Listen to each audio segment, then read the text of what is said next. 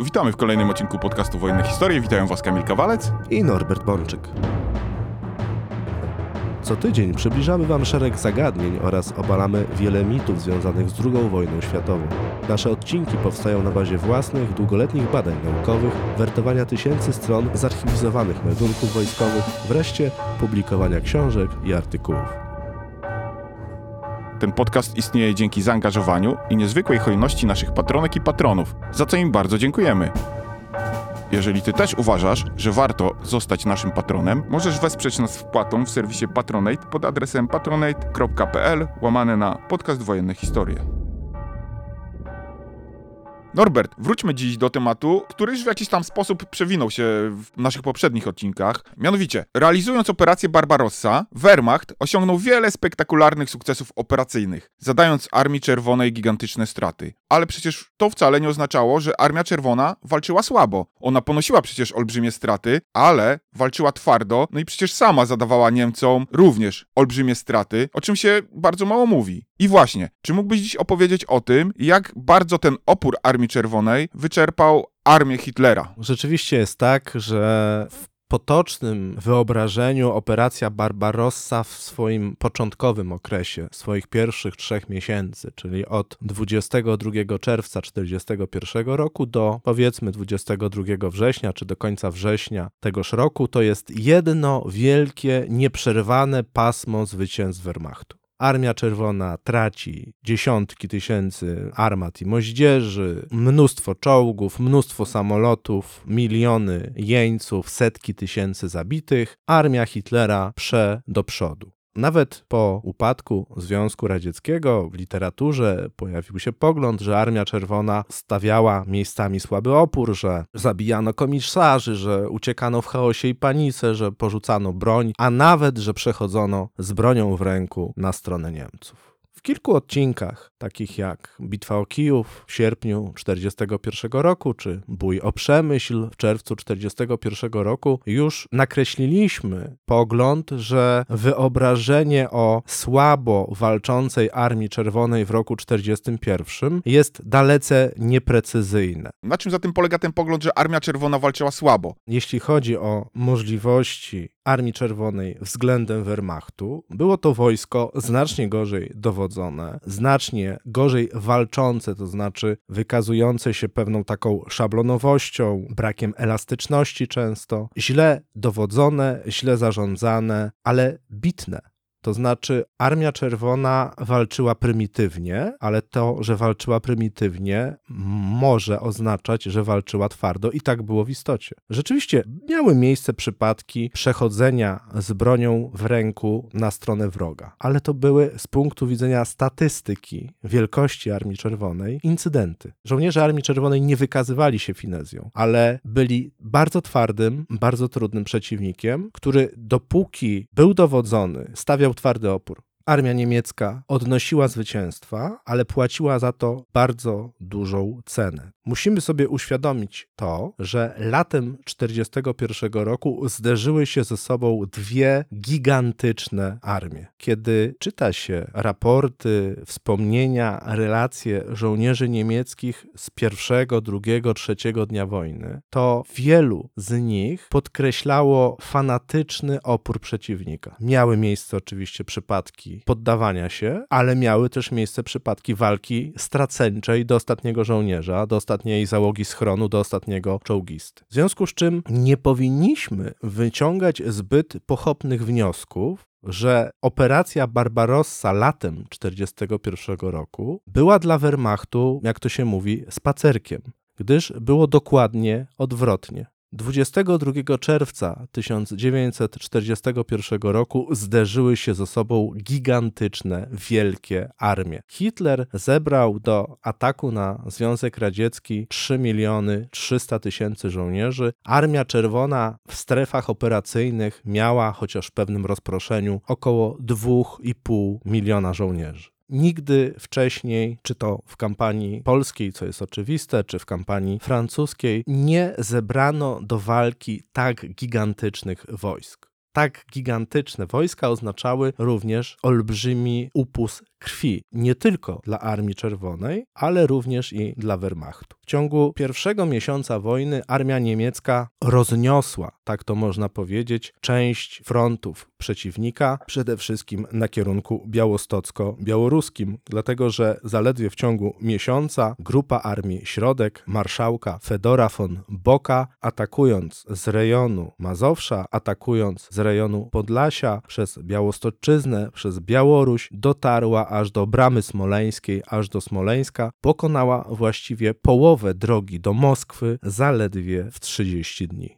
Po drodze wojska von Boka zamknęły dwa kotły, w których ostatecznie po ciężkich walkach skapitulowało ponad 600 tysięcy żołnierzy Armii Czerwonej. Setki tysięcy innych zostało zabitych, rannych bądź zaginęło, a w przypadku zaginięcia często przeszło do lasów i rozpoczęło działania nieregularne, partyzanckie. W tym samym czasie grupa Armii Północ marszałka von Liba również dokonała potężnego skoku, nacierając w obszarze państw nadbałtyckich i również właściwie w ciągu zaledwie jednego miesiąca pokonała połowę drogi do Leningradu, przy czym tutaj mowa o wysuniętych korpusach szybkich. Najcięższą przeprawę miała grupa Armii Południe marszałka von Rundstedta, która walczyła z największym zgrupowaniem Armii Czerwonej, ale i ona jeszcze do końca czerwca 1941 roku pobiła wojska Armii Czerwonej na terenach wschodnich II Rzeczypospolitej, stopniowo zmuszała Armię Czerwoną do odwrotu na wschód w kierunku Dniepru i Kijowa. Słowem, raporty niemieckie z pierwszego miesiąca wojny mówiły o tym, że wróg poniósł kolosalne straty. Tyle tylko, że te kolosalne straty wroga to jedno i o tym pogromie, o tej hekatombie Armii Czerwonej wtedy latem 1941 roku właściwie wiedzą wszyscy.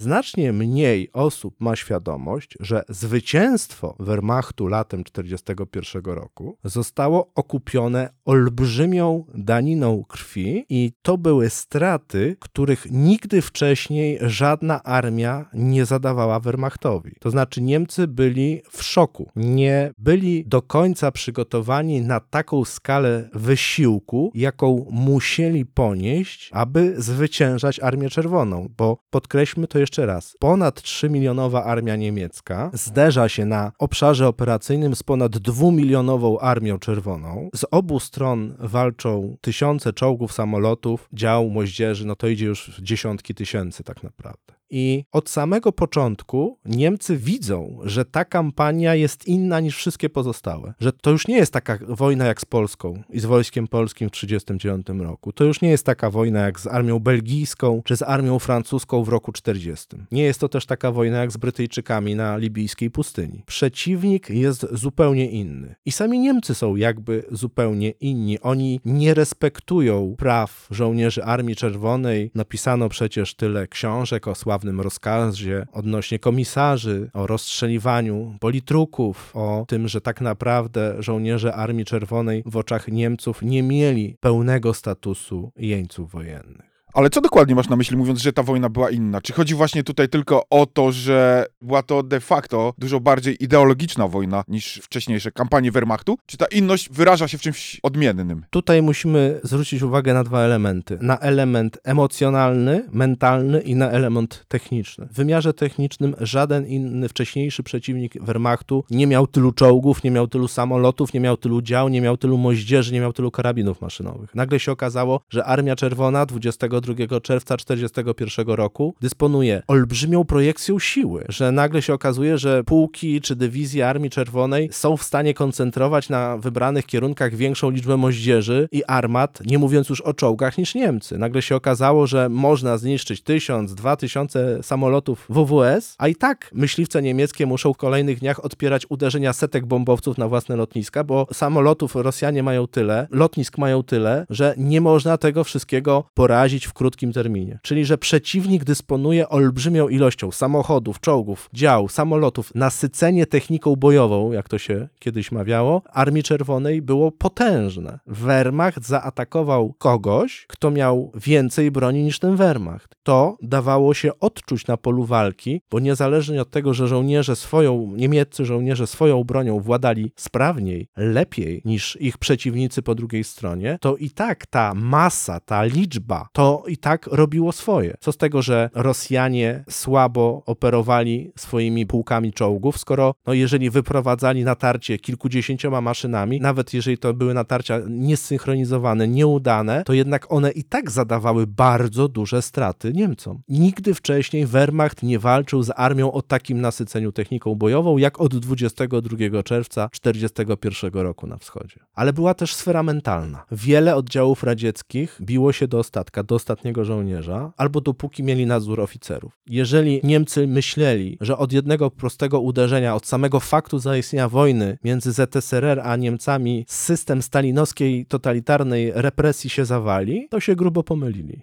indoktrynacja, nadzór, strach przed Stalinem, strach przed komunizmem dla setek tysięcy żołnierzy Armii Czerwonej były silniejsze i znaczyły więcej niż strach wobec Niemców. Armia Czerwona, wbrew obiegowej opinii, stawiała twardy opór od pierwszego dnia wojny. Nie można jednostkowych przypadków przechodzenia z bronią w ręku, tak jak na przykład robili to Litwini, czy chaosu wynikającego z klęski, mówimy o Armii Czerwonej, przekładać na słaby opór. Bo jeżeli będziemy myśleć w takich kategoriach, to będziemy musieli stwierdzić na przykład, że w roku 1939 wojsko polskie nie stawiało oporu Wehrmachtowi bo przecież w cztery tygodnie milionowa armia się rozpadła, ale czy fakt, że wojsko polskie w ciągu czterech tygodni zostało zniszczone przez Wehrmacht, że do 29 właściwie września wszystkie regularne dywizje wojska polskiego przestały istnieć, czy ten fakt dowodzi tego, że my słabo walczyliśmy albo że nie chcieliśmy się bić za nasz kraj? To, że w kotłach takich jak nad Bzurą czy po oblężeniu Warszawy poddawały się wojska polskie w liczbie 100-120 tysięcy żołnierzy, świadczy o tym, że my nie stawialiśmy oporu? To myślenie jest fałszywe. To przeświadczenie, że skoro Niemcy w 1941 roku wzięli 3 miliony jeńców Armii Czerwonej, to nie jest dowód, że Armia Czerwona stawiała niski opór, bo ona słabo walczyła w sensie, że walczyła nieudolnie. To prawda, ale ona walczyła zajadle. Nieudolnie, szablonowo, schematycznie, źle, ale twardo i krwawo. Ale chciałbym, żebyś jaśniej wytłumaczył, co miałeś na myśli, mówiąc właśnie o sferze mentalnej. Czy tu chodzi tylko o szeroko pojęty strach przed represjami obrońców, czy inne elementy też miały tutaj znaczenie? Inne również. Chodzi o pewien rodzaj fanatyzmu, zapiekłości. Już w czerwcu 1941 roku Niemcy meldowali, że kompanie własnych batalionów, które były odcinane w walce przez Armię Czerwoną, kiedy się poddawały po wyczerpaniu amunicji, były zabijane. To znaczy żołnierze Armii Czerwonej nie brali jeńców, tylko mordowali niemieckich jeńców. Czasami, tak jak na przykład w rejonie Broniki Klewań, był raport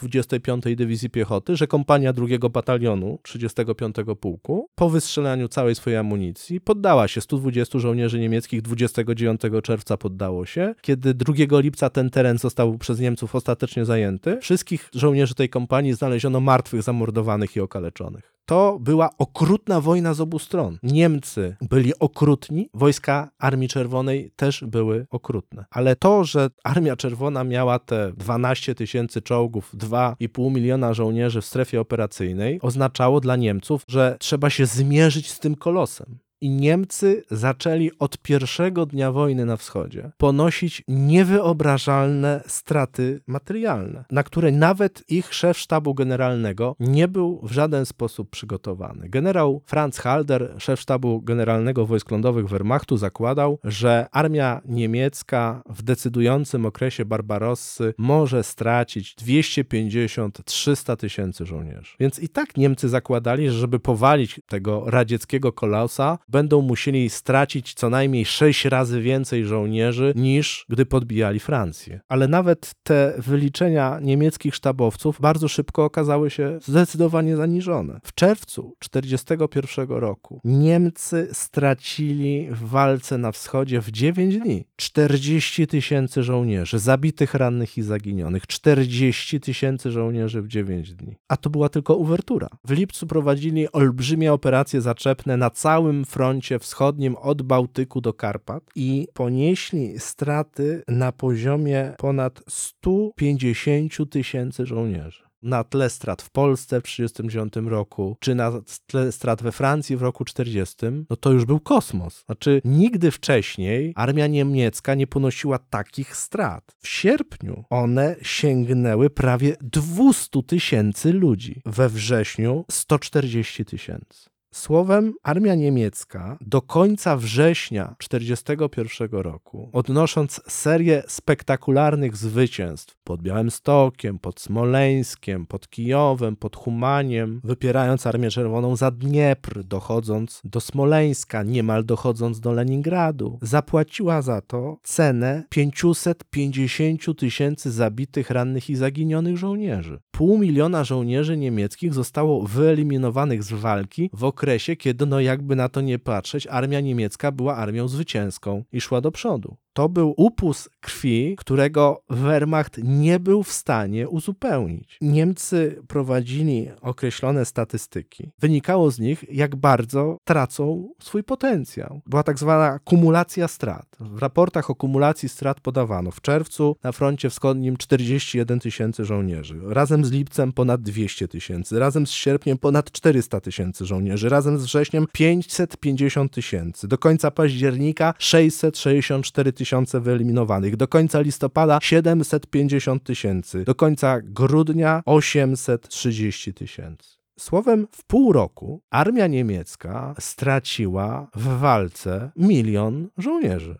Co trzeci żołnierz niemiecki, który 22 czerwca przekroczył granicę, oczywiście to jest statystyka, bo była rotacja, były wprowadzane nowe siły, miejmy pełną tego świadomość. Do września 1941 roku z odwodów Niemcy wprowadzili 20 nowych dywizji i tak dalej, ale chodzi o to, że co trzeci statystyczny żołnierz niemiecki, który 22 czerwca zaatakował ZSRR, to do końca roku już albo nie żył, albo był ranny, albo był w niewoli, albo zaginiony. Oczywiście, że Armia Czerwona poniosła znacznie wyższe straty. Samych jeńców w 1941 roku trafiło do niewoli niemieckiej ponad 3 miliony. Przy czym też miejmy świadomość, że największe kotły, największa liczba jeńców to są kotły z września i z października 1941 roku, a więc z tego powiedzmy drugiego już jesiennego okresu walk, to oczywiście kocioł pod Kijowem i największy kocioł Wiaźma Brańsk, pod tak zwany podwójny. W sumie w tych dwóch kotłach do niewoli poszło ponad milion dwieście tysięcy jeńców. Natomiast Wehrmacht sam stracił kilkukrotnie mniej żołnierzy niż wyeliminował przeciwnikowi, ale to nie zmienia faktu, że poniósł gigantyczne straty i te wszystkie zwycięstwa, które odniesiono w czerwcu, w lipcu, w sierpniu, we wrześniu 1941 roku, były czymś na podobieństwo zwycięstw prusowych jest takie pojęcie pyrrusowe zwycięstwo. Ono odnosi się do walk w starożytności, jeszcze przed naszą erą, greckiego króla Epiru, Pyrrusa, z Rzymianami wczesnej republiki. Pyrrus bił Rzymian na terenie Italii, odnosił nad nimi zwycięstwa w bitwach, ale przynosiły mu one olbrzymie straty własne. I przypisuje się królowi Pyrrusowi stwierdzenie, jeszcze jedno takie zwycięstwo, a nikt z nas nie pozostanie przy życiu.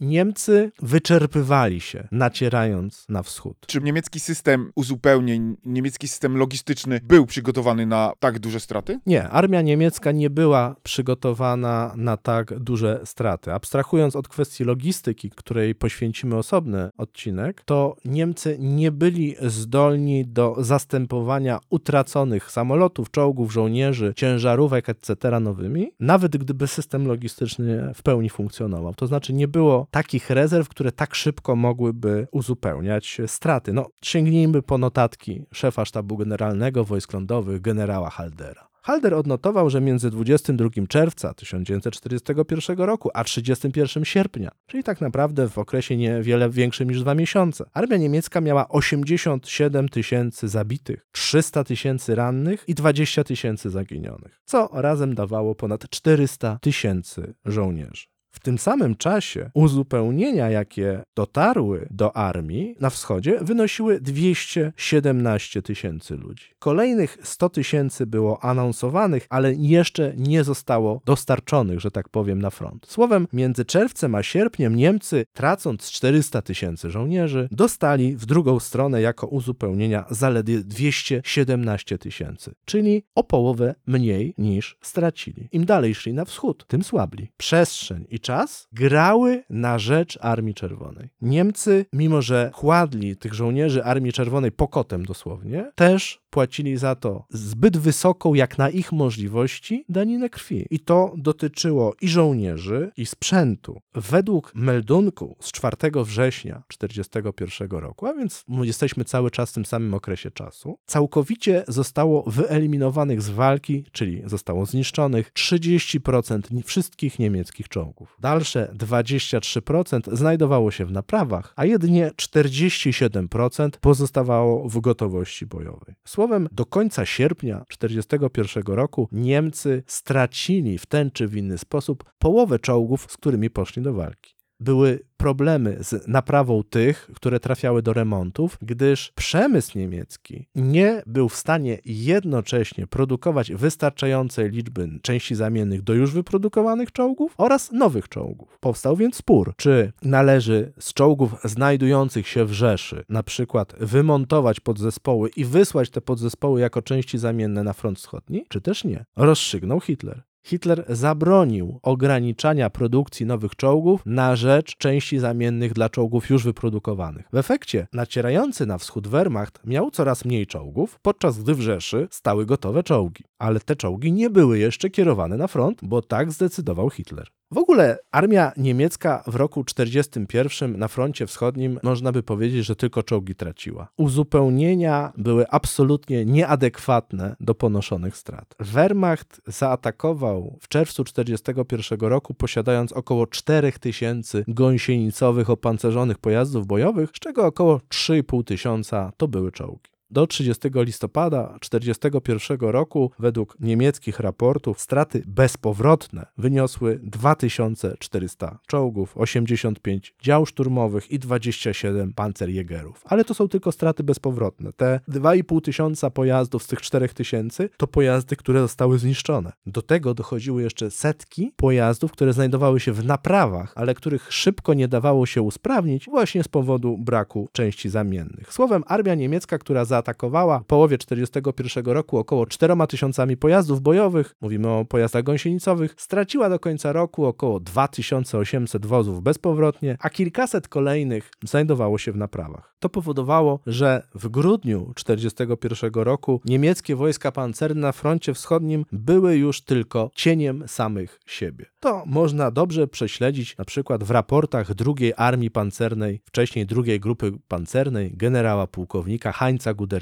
Pod koniec 1941 roku w II Armii Pancernej znajdowały się przede wszystkim trzecia Dywizja Pancerna, czwarta, 17 i 18. W czerwcu ta struktura była nieco odmienna, ale skupmy się na raportach z końca roku. Cztery niemieckie dywizje pancerne, z czego trzecia i czwarta to naprawdę doborowe niemieckie dywizje pancerne. W ich pułkach pancernych 22 czerwca 1941 roku było 980 czołgów. 1 listopada 1941 roku już tylko 980 czołgów. Jednak przez cały okres Barbarossy w rozumieniu od czerwca do grudnia 1941 roku te cztery dywizje pancerne otrzymały uzupełnienie na poziomie 167 czołgów, ale straty wyniosły 632 i mówimy tylko o stratach bezpowrotnych. Słowem, Niemcy stracili bezpowrotnie trzy razy więcej czołgów w drugiej grupie pancernej niż dostali uzupełnień, a z pozostałych czołgów i tak część znajdowała się w naprawach, a więc była niesprawna. Efekt był taki, taki, że druga armia pancerna generała Guderiana 1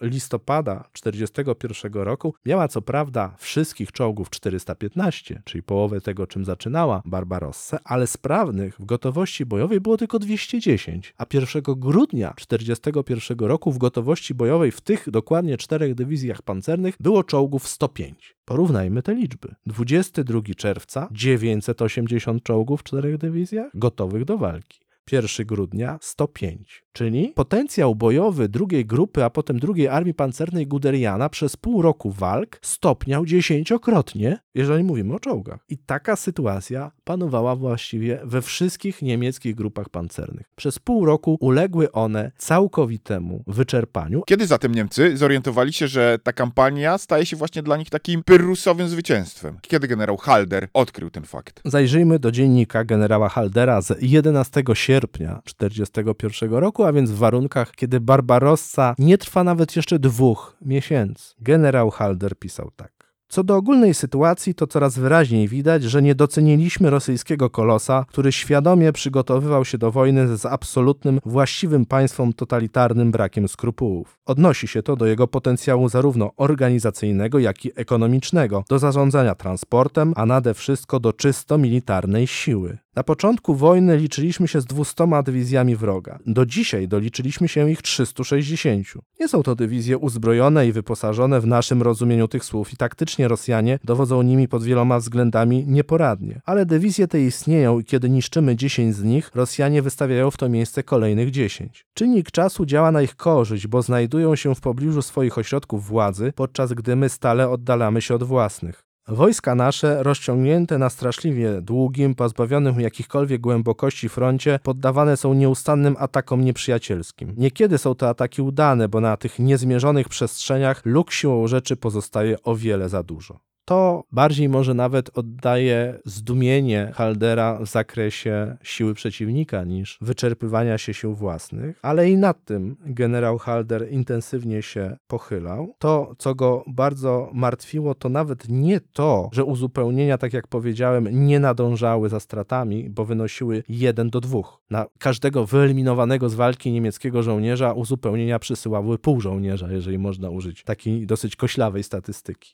Ale Halder przede wszystkim podkreślał to, że są olbrzymie straty w oficerach. I jak to pisał, straty w oficerach wynoszą już 15 tysięcy ludzi, a produkcja oficerów, przenośnie oczywiście, wynosi tylko 5 tysięcy. W związku z czym niedobory są trzykrotnie większe niż uzupełnienia. I to, można by powiedzieć, najbardziej spędzało sen z oczu Haldera. Nie to, że ginęli żołnierze jako tacy, ale największym problemem były straty oficerskie, bo ginął dowódca, a jakość wojska jest zawsze powiązana z jakością kadry oficerskiej i podoficerskiej. Mówimy o wyszkoleniu i o zmotywowaniu. Ginął ten najlepszy żołnierz niemiecki czyli ten żołnierz doświadczony z 39, 40, 41 roku, straty w korpusie oficerskim nie można było odrobić równie szybko jak straty prostych żołnierzy szeregowych. I Halder miał świadomość tego, że pod względem zdolności bojowych armia się wyczerpuje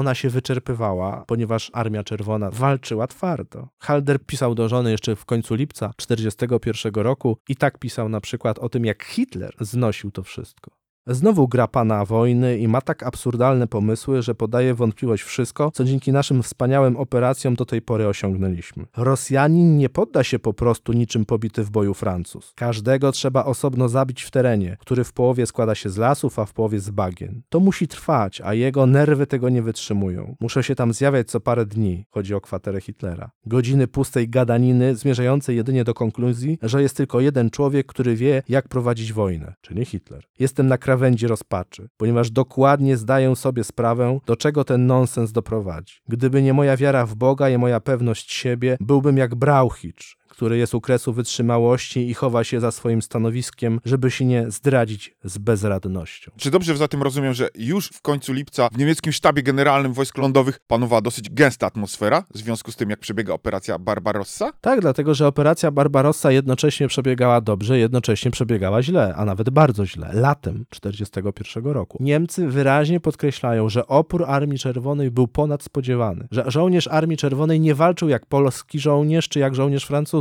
tylko jak napisał właśnie Halder, oni się tak jak Francuzi łatwo nie poddają, trzeba ich wszystkich zabić. A czy zatem te 3 miliony jeńców nie przeczą tej opinii Haldera o twardości oporu Armii Czerwonej? Tu trzeba zrozumieć kontekst operacyjny. Pierwszy wielki kocioł, czyli operacyjne okrążenie w kampanii tak zwany kocioł białostocki, miński, białoruski, 330 tysięcy jeńców. Ale jednocześnie dziesiątki tysięcy żołnierzy Armii Czerwonej nie składają broni, przenikają w lasy, co daje początek wojnie partyzanckiej. Kocioł smoleński, lipiec 41 roku, kolejnych 310 tysięcy jeńców. Ale po ciężkiej walce w okrążeniu. Ci żołnierze walczą do upadłego, dopóki mają amunicję i dopiero później się poddają. W roku 41 te naprawdę wielkie kotły frontu wschodniego to jest dopiero jesień. To jest Kijów, to jest Wiaźma, to jest Briańsk. wtedy w tych wrześniowo-październikowych kotłach Niemcy wezmą połowę jeńców, którą wzięli w roku 41. Te kotły z lipca, z czerwca 41 roku były dla Armii Czerwonej bardzo wyniszczające, ale nie miały charakteru decydującego, zważywszy na to, że Armia Czerwona, można by powiedzieć, urzutowana była w głąb, miała tak zwane trzy rzuty operacyjne, powodowało, że nawet zniszczenie jednego ugrupowania nie otwierało nigdzie frontu. Von Bock, nacierając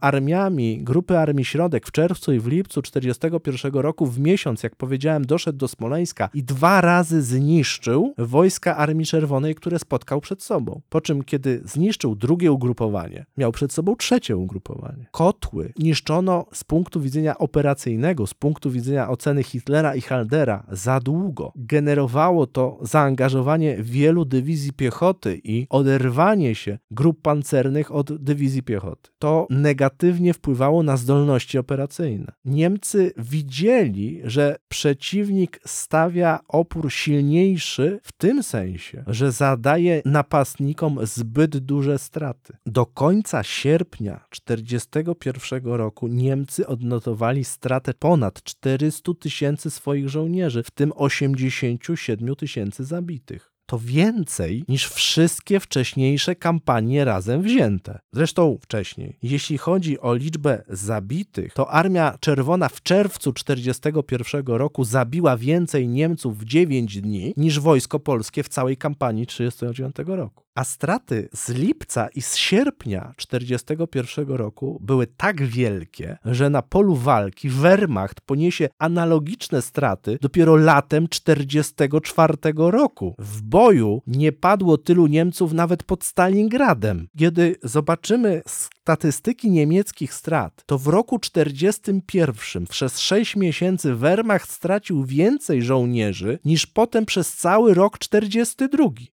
W 1942 roku przez 12 miesięcy Niemcy stracili na froncie wschodnim około miliona żołnierzy. Też milion stracili w roku 1941 w 6 miesięcy. Walki w roku 1941 zwycięskie w natarciu były dla Niemców dwa razy bardziej krwawe niż potem trwanie na froncie w roku 1942, czy nawet ofensywa na froncie południowym w roku 1942. Niemcy w 1942, w 1943 roku nie ponosili takich strat jak w roku 1941. To był dla nich kosmos. Przy czym w roku 1941 ginął kwiat ich armii. Najlepsi żołnierze, najbardziej zmotywowani, wyszkoleni jeszcze przed wojną, silnie zindoktrynowani, oficerowie, podoficerowie, żołnierze, którzy chcieli się bić. Ten kolos frontu wschodniego pożerał to wszystko. Czy zatem chcesz powiedzieć, że te straty z tego pierwszego półrocza wojny, ten twardy opór Armii Czerwonej zmusił w kolejnych latach Wehrmacht do prowadzenia operacji o w pewnym sensie ograniczonym zasięgu, czyli już nie na całym froncie, jak to robili w 1941 roku? To jest przede wszystkim kwestia materiałowa, dlatego że Wehrmacht się stale rozrastał. Hitler w 1939 roku, jak wywołał wojnę, miał 100 dywizji. Kiedy napadł na Stalina w roku 1941, miał już tych dywizji 200. Później Wehrmacht rozrośnie się nawet do poziomu 300 dywizji. Natomiast pod względem materiałowym nic nie mogło się równać temu wyczerpaniu, zużyciu środków w roku 1941, ale mówimy o pewnej skali, bo to jest oczywiste, że w roku 1944 Wehrmacht wystrzeli więcej nabojów na froncie wschodnim niż w roku 1941. Też będzie jeszcze większy, jego przeciwnik będzie jeszcze większy, bo Armia Czerwona niemal zniszczona w roku 1941 będzie się stopniowo odbudowywać, a potem będzie rosnąć. Ale chodzi o to, że Niemcy zrozumieli latem 1941 roku, że taką kampanię mogą prowadzić jak prowadzili, na trzech kierunkach, Leningrad, Kijów, Moskwa, tylko przez kilka miesięcy i już nie są dalej zdolni do takich operacji. Rozmawialiśmy o tym w odcinku o ropie. Trzy miesiące, lipiec, sierpień i wrzesień, Niemcy zużyli na froncie wschodnim milion ton benzyny, czyli całą swoją roczną produkcję. I nie byli już w stanie później przez dłuższy czas wygenerować podobnego zużycia. Ani w 42, ani w 43 takiego zużycia Wehrmacht już nie miał, tak dużego. Słowem, to lato 41 roku to prawdziwe starcie tytanów. Ale to nie jest starcie tytanów o charakterze potężny Wehrmacht bezproblemowo gruchocze Armię Czerwoną Czerwoną. I po tym, co się stało latem, paradoks, jesienią przyszło uspokojenie. Co masz na myśli mówiąc uspokojenie? Wszyscy często myślą, że Armia Czerwona zatrzymała Wehrmacht pod Moskwą, przeszła do przeciwuderzenia, że bitwa pod Moskwą to była taka decydująca walka i tak dalej. W rzeczywistości w listopadzie 1941 roku Niemcy mieli 87 tysięcy strat, a w grudniu 77 tysięcy strat bojowych. W grudniu 1941 roku, kiedy toczyła się ta bitwa o Moskwę, straty niemieckie były trzy razy mniejsze niż w sierpniu 1941 roku, bo to już była walka osłabionych graczy, to była już walka cieni. W grudniu, w listopadzie 1941 roku Guderian zamiast tysiąca czołgów miał 100. Rosjanie mieli bardzo podobnie. Walczyły ze sobą bardzo małe siły w porównaniu do tego, co biło się ze sobą latem 1941 roku. Czyli masz na myśli, że było po prostu na froncie już mniej żołnierzy po obydwu stronach z racji ponoszonych strat. To po prostu było oglądanie pojedynku bokserskiego. Lato 41 roku to jest pierwsza, druga, trzecia runda. Dwóch silnych zawodników, pełnych energii, testosteronu walczy. Grudzień 41 roku, dwunasta runda. Dwóch zmęczonych, pobitych zawodników schłania się na nogach. Słowem, Niemcy w 41 roku z tego miliona żołnierzy większość stracili jeszcze latem. Oczywiście, żeby nie było. W listopadzie, w grudniu, w styczniu 42 roku. Obok strat bojowych, zabici, ranni, zaginieni, pojawiły się bardzo wysokie statystyki odmrożeń, więc straty, ale już nie bojowe, Wehrmachtu wciąż były duże, ale bojowe były nieporównywalnie mniejsze niż latem. Niemcy już w sierpniu 1941 roku, właśnie temu służą te cytaty z Haldera, uświadomili sobie, że porwali się z motyką na słońce, w tym sensie, że nie będą w stanie walczyć z Armią Czerwoną, nie mogą utrzymać takiego tempa strat, jakie ponoszą, a to tempo strat wynika z tempa ich natarcia. I to spowodowało, że od jesieni 1941 roku dynamika działań bojowych, zwłaszcza od połowy października po pierwszym uderzeniu w ramach operacji Tajfun, zaczęła zamierać. To już była od października, listopada 1941 roku inna wojna. Armia Czerwona zdołała na tyle osłabić, na tyle zranić Wehrmacht, że się wewnętrznie wyczerpał. Nagle okazało się, że nie ma zapasów benzyny po trzech miesiącach wojny. Nagle okazało się, że nie ma zapasowych czołgów po trzech miesiącach wojny. Nagle się okazało, że uzupełnienia w ludziach będą uzupełniać 50-60% niedoborów. Niemcy szaleli przez trzy miesiące i się wyczerpali. Powiedz mi, czy dobrze rozumiem, z tego wszystkiego tutaj rysuje się taki obraz, że to nie żaden generał Zima zatrzymał Wehrmacht pod Moskwą, to tak naprawdę był już tylko skutek tego, czego dokonała Armia Czerwona, olbrzymią oczywiście daniną krwi, ale tym twardym oporem w tych pierwszych trzech miesiącach wojny. Tak, dokładnie. Znaczy wpływ generała Zimy, a nawet marszałka Błoto na ostateczny wynik operacji jest często mocno wyolbrzymiany. Kluczowym elementem niemieckiej przyczyny porażki była niezdolność do regeneracji sił, czyli niezdolność do odtworzenia osłabionego organizmu. Ale to osłabienie tego organizmu wynikało z tej morderczej walki z Armią Czerwoną. Czyli Rosjanie oczywiście ponosili często straty na poziomie 5-7 do 1, ale i tak zadawali armii niemieckiej straty, których ona w krótkim terminie nie była w stanie uzupełnić. Podkreślmy to słowo w krótkim terminie, ale przecież na tym właśnie zasadzała się Barbarossa, że to ma być krótka, kilkumiesięczna kampania i Niemcy z góry wiedzieli, że jeżeli w ciągu kilku miesięcy nie powalą Armii Czerwonej, to nie wygrają i nie powalili. Spójrzmy na Luftwaffe. Luftwaffe od 1 września 1939 roku do 21 czerwca 1941 roku, bijąc nas, czyli Polaków, bijąc Belgów, Francuzów, tocząc bitwę o Anglię, walcząc na Bałkany, gruchocząc Jugosławię, Grecję i tak dalej, straciła między 39 a wiosną 1941 roku w walce 6700 samolotów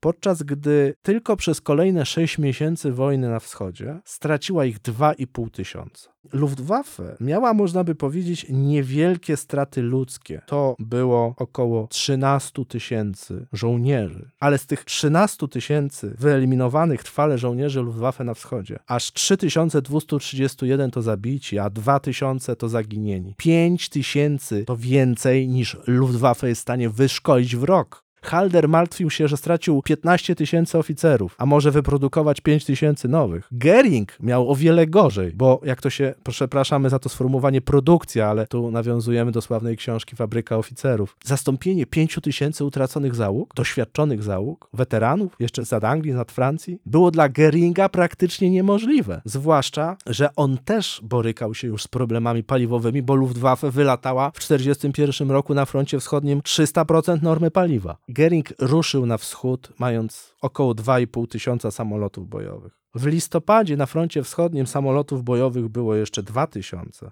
W grudniu już tylko 1500. Tak jak Guderianowi zabrakło czołgów, tak Luftwaffe zaczynało brakować samolotów. Co oczywiście skutkowało tym, że w lipcu, w sierpniu wykonywali olbrzymi nalot. W listopadzie, w grudniu niebo nad frontem wschodnim zdominowało lotnictwo radzieckie. W grudniu 1941 roku Niemcy na całym froncie wschodnim nie mieli nawet 500 bombowców. Tak skromnymi siłami nie dawało się skutecznie dalej prowadzić operacji zaczepnych. Ale rozmawiamy o stratach. W czerwcu 1941 roku, jak wiemy, nastąpił pogrom radzieckiego lotnictwa. Ale i Luftwaffe straciło 407 samolotów w 9 dni. Nad Polską przez ponad miesiąc straty były niemal dwa razy mniejsze. W lipcu Luftwaffe straciła 715 samolotów. Wyobraźmy sobie właśnie w tym momencie generała Haldera, ale przede wszystkim marszałka Keitla, generała Jodla, którzy pod koniec lipca 1941 roku dostają statystyki, w których stoi, że połowa czołgów nie walczy, że armia straciła 200 tysięcy żołnierzy, że Luftwaffe straciła ponad 1000 samolotów. Nie było takich raportów w 1939 czy w 1940 roku. To się w żaden sposób nie dawało porównać z kampanią francuską, zwłaszcza jeśli chodzi o zabitych. Oni już pod koniec lipca znaleźli się w kropce. To znaczy ten cały spór Moskwa czy Kijów wynikał z desperacji. Niemcy pod koniec lipca 1941 roku zrozumieli, że nie wykonają planów operacyjnych Barbarossy, że to jest niewykonalne ze względu na przestrzeń, czas i na siłę oporu przeciwnika. Zaczęli więc szukać ostatniej nadziei, takiego ciosu, takiej operacji, która pozwoli im przy ograniczonych zasobach jednak powalić przeciwnika. I Halder, von Bock stali na stanowisku, że trzeba zebrać cały wysiłek do uderzenia na Moskwę, że skoro nie można pobić przeciwnika w wojnie na wyniszczenie w jednej decydującej bitwie, bo on się wciąż odtwarza, jest jak ta hydra, na miejsce jednej odciętej głowy wyrastają dwie kolejne, to trzeba uderzyć w serce, porazić mózg, zdobyć Moskwę i w ten sposób spróbować obalić system, że generałowie zaczęli szukać rozwiązania w jednym uderzeniu. Generał Halder, generał Brauchicz byliby gotowi zabrać uzupełnienia i system logistyczny Grupy Armii Północ i Grupy Armii Południe i dać wszystko von Bockowi, żeby on rzucił się spod Smoleńska na Moskwę, miał tylko 400 kilometrów